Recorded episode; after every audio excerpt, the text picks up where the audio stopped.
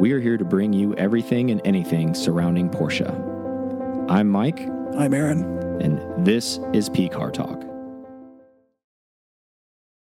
On our sponsorships. All right, let's do it. So we got the Sriracha Club members. The list we got Matt with no name because he likes that, so he's, he's we're sticking with it. Matt with no last name. so uh, Leslie N and Chris S, Steve J, Carl K, Scott H, Sander A, Ken S, Javid V, Richard P, Aaron L, Matthew G, Matthew M, Sean H, and Nick F.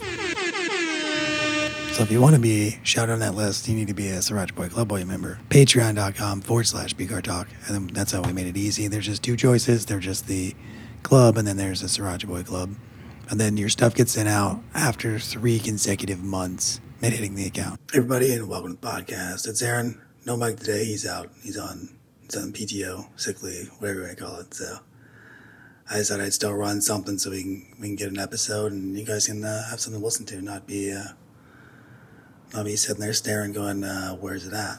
So, uh, theme tonight's going to be more uh, kind of GT. I guess GT is a, is a good theme. I'm going to kick it off with um, Proton launch, launching some news. I mean, you've seen the Mustang GT3R. Looks pretty cool. Apparently, they thought it looked cool enough to uh, jump to that. So they're they're going to that now instead of doing the Porsches like they've been doing since like '96.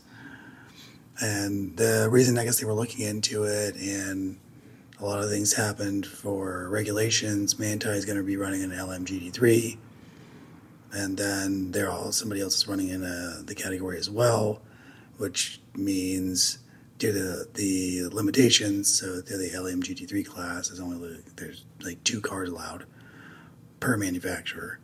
So yeah, that kind of limits them. Plus, it gives them, I guess, they like the program where they they they're looking forward and excited to do something different since they've been going on with uh, with Porsche for so long. It's sad to see them leave because it's always cool to see them at Le Mans.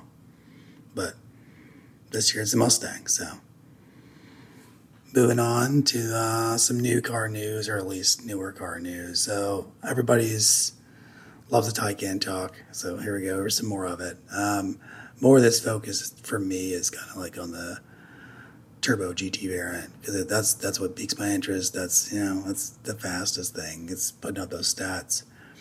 Uh, one stat we're seeing a bunch of right now is that it's going to have a thousand horsepower. So I don't know if it ever. I mean, nothing needs a thousand horsepower, but it's a good round number. So we'll see if a turbo GT version, which we haven't seen yet. I'm sure it's going to be a wing, lightweight glass, lightweight where they can. Um, and see, yeah, what kind of lap time he puts down, certain, you know hold that production record on the on the Nurburgring. That'll be that'll be one of those things to give you some other like numbers and things like that. I mean, it's looks like the we can give you like Cayenne numbers, and so Cayenne's also doing a turbo. The turbo GT version is also getting bumped up a lot, um, and different. I didn't I didn't realize. Um, what the differences were. At least the, I guess Europe doesn't get the uh, Turbo GT. They get like a package, but it's not the same thing, not the coupe. I don't I don't know why. It's strange that they offer it, but they do. Um, which is kind of a big deal because I didn't. The weight savings on a Turbo GT versus a normal one's like 700 pounds, which is a crazy crazy figure. Um, one cool thing about the Cayennes, even though you know we went to uh, we got the V8s back and the GTS not too long ago. They're still going to do V8s, like as long as it's possible. They're going to do V8s, which is pretty cool. Um, you know, base numbers 468 horsepower for 42 torque, and then up from there we got almost 600 horsepower and 600 foot pounds of torque for the turbo E hybrids, which would be cool. But then the turbo GT is going to be doing 650 and 626. So that's going to be it's going to be moving. That puts that that's like a 0 to 16 like 3 1 I think is what they were saying for the turbo GTs. It's pretty pretty uh, moving moving out pretty fast. Um, no more cylinder deactivation for the V8s. They got a different battery pack. It's larger. It's going to be like 25 kilowatts instead of 17. There's supposed to be even even bigger one for like 130 kilowatts. So we'll see That'll that'll um, go twin turbo V8 to at least speeds above like 84 miles an hour. So that'll be interesting. Um, the Turbo E hybrid package is with the Turbo Hybrid GT pack, which is how Europe sells it, like I was saying.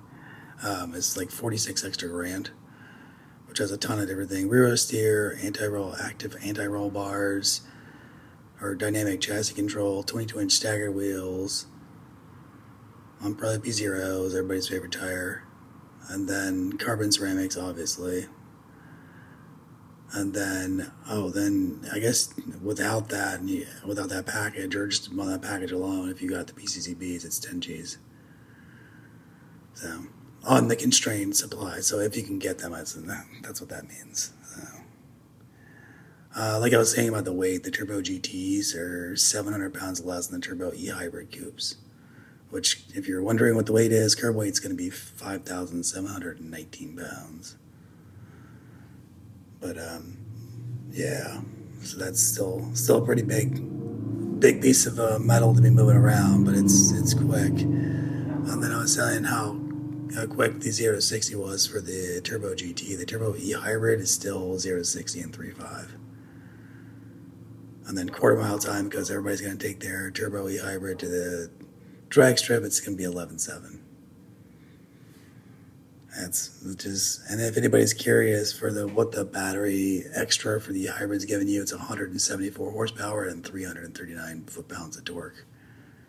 So that's a little bit more. Actually, I maybe misquoted. It's 729 horsepower, 700 pounds foot pounds of torque. So that's almost like GT2 RS 991.2 numbers in a Cayenne, which is pretty crazy. But I mean, that's the quick quick things I've seen around the around the internet, and then there's a few more like test drives and things on the the Cayenne and Taycans. The Taycan, back to Taycan, the bodywork's not changing too much. It's angular. No one's really seen the interior. I wouldn't expect too much of a difference, just because everything else is just now aligned with what the Taycans are doing, or the 992s, I should say, for their interiors and all the full digital everywhere and everywhere they can put a digital screen, there's a digital screen style. So I wouldn't expect much of a change there. Um, outside of that, that's just pretty much a quick hit of the things I'm seeing around around the internet. Uh, nothing more. I think I have one more topic, but that's going to be for the Patreon uh, people. So patreon.com forward slash pcar talk, and you can get the full episode. So I'm going to end it here, nice and quick. You can read the articles. I'll probably drop them in uh, Patreon or maybe the show notes. We'll see. So thanks for joining. Hopefully it wasn't uh, too boring with the dynamic duo here. So see you guys later. Everyone, I'm back from break. It's Aaron, me again, by myself. Keeping it solo this episode, so let me know you like it in the comments on Patreon, and if you like it, let Mike know so we can go solo on this thing. Um, last topic is going to be so on the, along the same lines, like I said, turbo stuff, but also incorporating a little e hybrid action as well. So GT2RS.